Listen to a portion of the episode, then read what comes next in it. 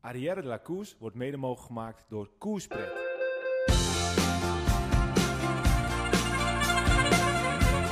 Je luistert naar Arrière de la Course volledig in het teken van de Tour de France. De komende weken nemen we je mee tijdens onze beleving van de Tour de France. We spreken de etappes na, we beschouwen de etappes voor, we kijken hoe de Nederlanders doen door de klassementsrenners ervoor staan.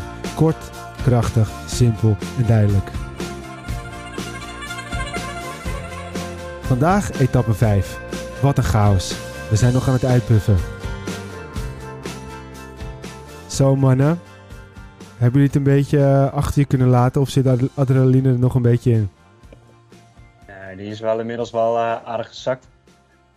En ook de realiteit uh, die, die komt dan altijd wel weer snel. En als je dan uiteindelijk toch wel weer de balans opmaakt, dan is het eigenlijk alleen maar een kopgroep geweest. Met vervolgens twee man wat ertussen zat en een groot peloton wat volgt op een paar seconden. Of 13 seconden. Dus uiteindelijk een hele mooie koers. Maar aan het eind van de streep dan valt het eigenlijk allemaal wel mee. Ja, nou ja, dat, dat is zeker zo. Want als je gewoon puur gaat kijken, dan uh, uh, ja, winnaar de Simon Clark. Net aan voor de Taco van de Horen. Taco die het echt volgens mij niet beter had kunnen doen. Want hij wachtte, hij wachtte, wachtte, wachtte. Toen uh, Paulus weg was gesprongen, toen moest Hagen op een gegeven moment ging hij wel. En hij wachtte nog. Nou, pokeren, dat kan hij echt als de beste. Alleen ja, Clark kwam er nog overheen. En dat was de gok die hij moest nemen. Dus ja, hij had het denk ik niet anders kunnen doen. Maar het is wel doodzonde, want het was wel zijn kans.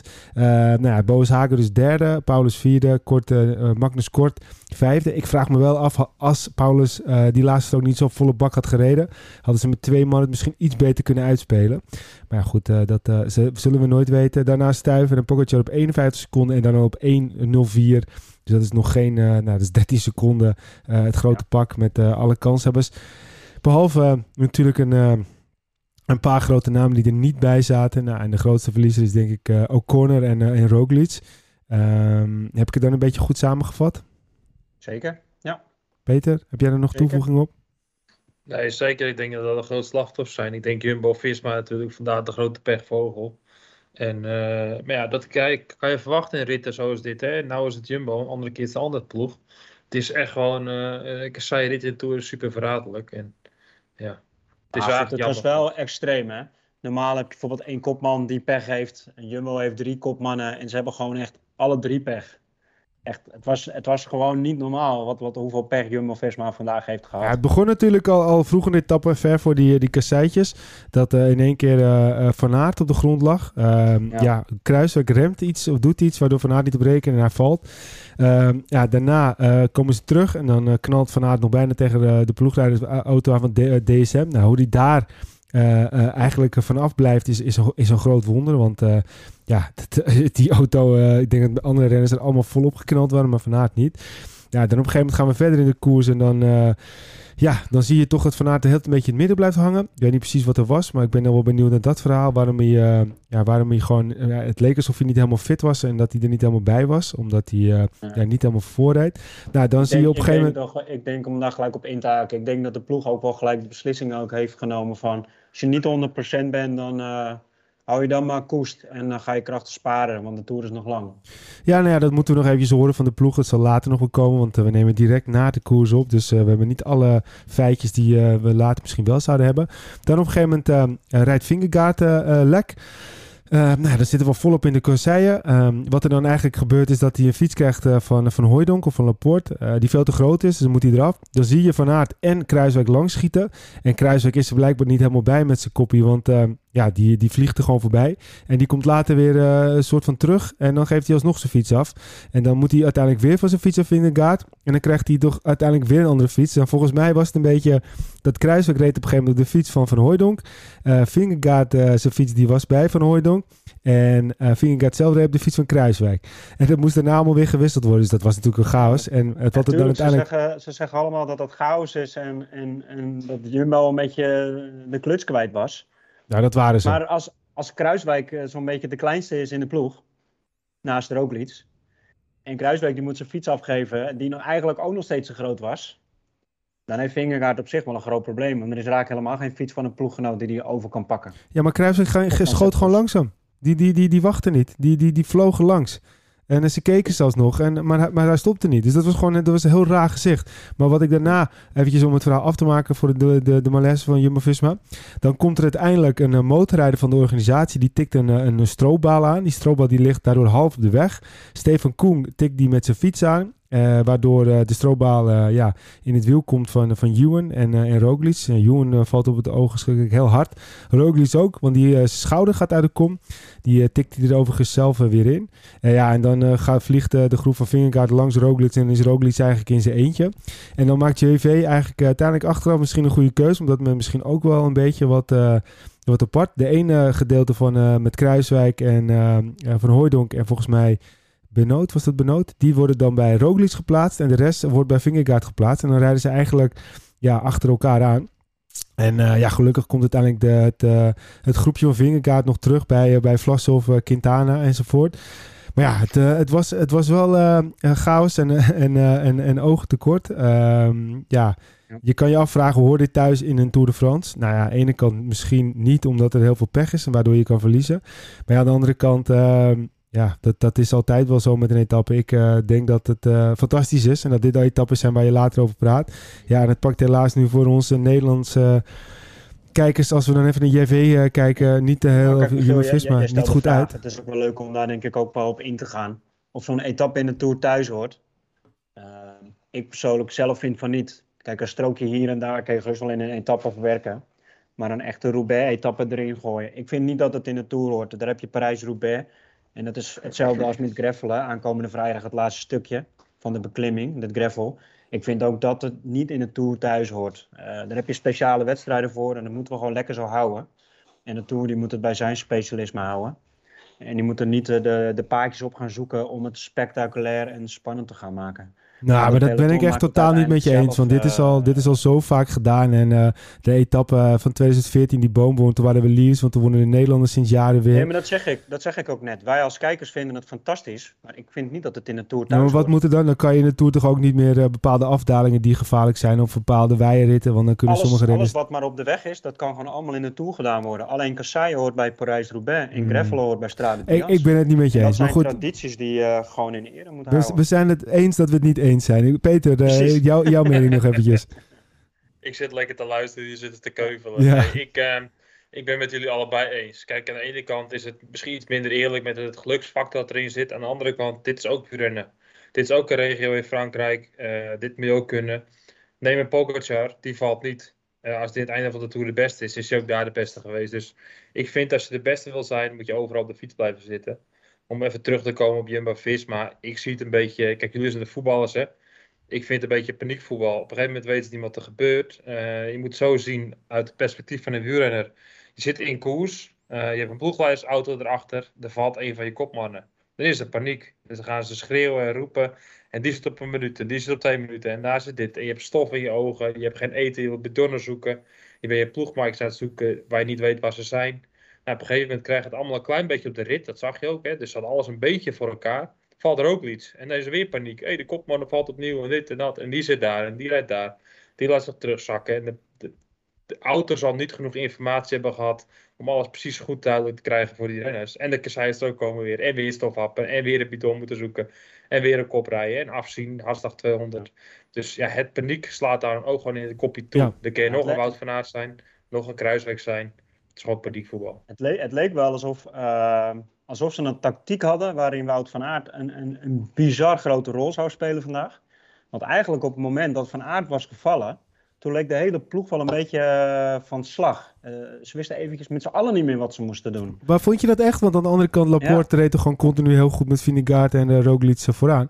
ja, dat van vond ik echt. zat Normaal erbij. reizen, echt altijd als ploeg zijn of met vijf of zes man. Echt heel dominant op kop.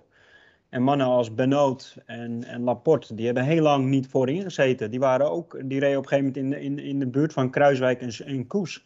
Ja, dat is niet de plek waar deze mannen in zo'n etappe als Maar, maar als je gewoon kijkt wat er gebeurt, Vindegaard zat continu omringd. Uh, zat gewoon continu vooraan. Roglic zat eigenlijk totdat hij uh, zijn schouder dus uit de kom had, continu vooraan. Dat is ook de reden waarom... één man, hè? In het begin. Ze hebben heel lang met één mannetje, alleen Nathan van Hoorn die maar in de buurt Maar dat zat. is toch ook uiteindelijk de reden waarom Roglic valt. Uh, Ewan zat voor in het peloton samen met Roglic.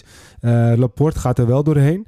En, uh, en Roglic uh, die knalt er volop. Uh, ja, dit is Ja, gewoon... maar dat sluit dan toch ook aan dat we zeggen, ja, ik denk dat toen Wout van Aert viel, dat de ploeg toen eh, de kluts echt al een beetje kwijt was. Alsof Wout van Aert een te grote rol eh, speelde. Dat, dat andere mannen eventjes niet meer wisten wat ze moeten doen. Ja, ik Want weet niet, ik weet niet of, of eh, dat ze zo is. nooit één mannetje bij de twee kopmannen moeten hebben. Dat hadden er altijd meerdere moeten zijn. Ja, maar gek, ze hebben twee kopmannen. En eh, wat je nu ook ziet, kijk, stel dat ze dus eh, het zo hadden gedaan. eh, dat Vingegaard niet lekker had gereden. En dat ze dan met z'n tweeën, drieën weer achter elkaar hadden gezeten. Zoals vorig jaar met het Opiomi-geval. Dan, dan, dan valt er eentje, dan vallen ze allemaal. Ja, misschien hebben ze het juist gewoon een beetje verdeeld. En op die manier eh, wat beter ingezet. Het maakt ook verder allemaal niet uit. Jumbo-Visma, uh, Christian Niemann, die zei... We hebben hele mooie dagen gehad tot nu toe, maar vandaag was echt een kutdag. Nou, dat denk ik dat dat een mooie samenvatting Ja. is. En een mooi punt achter te zetten. Hey, we willen natuurlijk Taken van de Hoorn eh, niks dan tekort eh, doen. Eh, we willen hem niet tekort doen. Ehm, hij wordt uiteindelijk tweede. Peter, had hij het anders moeten doen? Nou, misschien iets la- later aan waren gegaan. Hij ging misschien net iets te vroeg, een tikkeltje. Maar goed, hij wachtte heel professioneel uh, daarboven haken en dicht zou rijden. Dat was perfect. Simon Clark is ook snel, hè? dus dat moet je niet vergeten. Die heeft in, uh, in Amsterdam ook een paar keer goed tussen gezeten. Tweede achter van de Dus- pool.